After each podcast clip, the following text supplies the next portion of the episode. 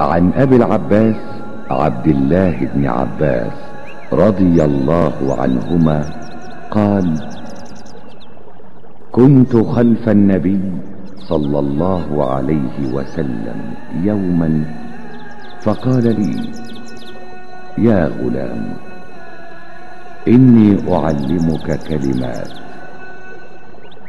احفظ الله يحفظك.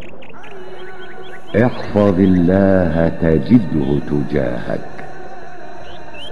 إذا سألت فاسأل الله وإذا استعنت فاستعن بالله.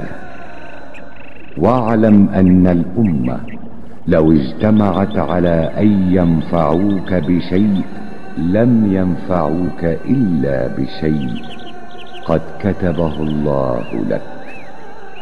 وإن اجتمعوا على أن يضروك بشيء لم يضروك إلا بشيء قد كتبه الله عليك.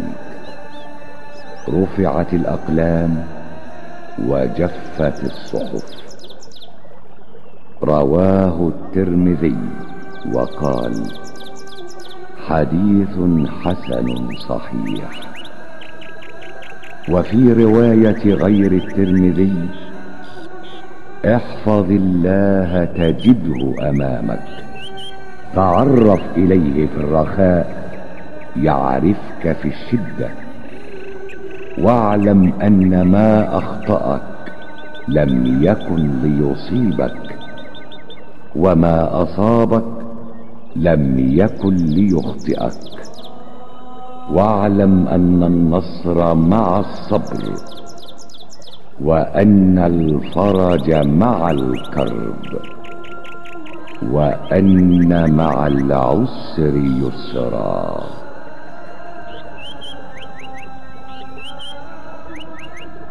od Ebul Abbasa, Abdullaha ibn Abbasa, radijallahu anhu, prenosi se da je kazao Jednog dana sam bio iza Allahovog poslanika, sallallahu alihi veselem, pa mi reče O mladiću, podučit ću te nekim riječima. Imaj na umu Allaha, Allah će te čuvati. Imaj na umu Allaha, Allah će biti ispred tebe. Kada moliš, moli od Allaha. Ako tražiš pomoć, traži od Allaha. Znaj da se čitav narod sakupio da ti koristi u nečemu. Ne bi ti koristili osim sa onim što ti Allah propisao.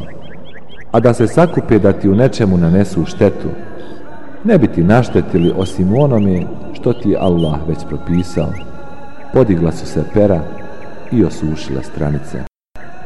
Ovaj hadis bilježi Tirmizi i kaže da je Hasanun Sahihun. U predajama osim Tirmizine stoji Imaj na umu Allaha, naći ćeš ga ispred sebe. Znaj za Allaha kad si u obilju, Allah će znati za tebe kad si u nevolji. I znaj ono što te je promašilo, nije moglo da te pogodi, a ono što te je pogodilo, nije moglo da te promaši. Znaj, zaista je pomoć u strpljivosti, utjeha u žalosti, olakšica sa tegobom.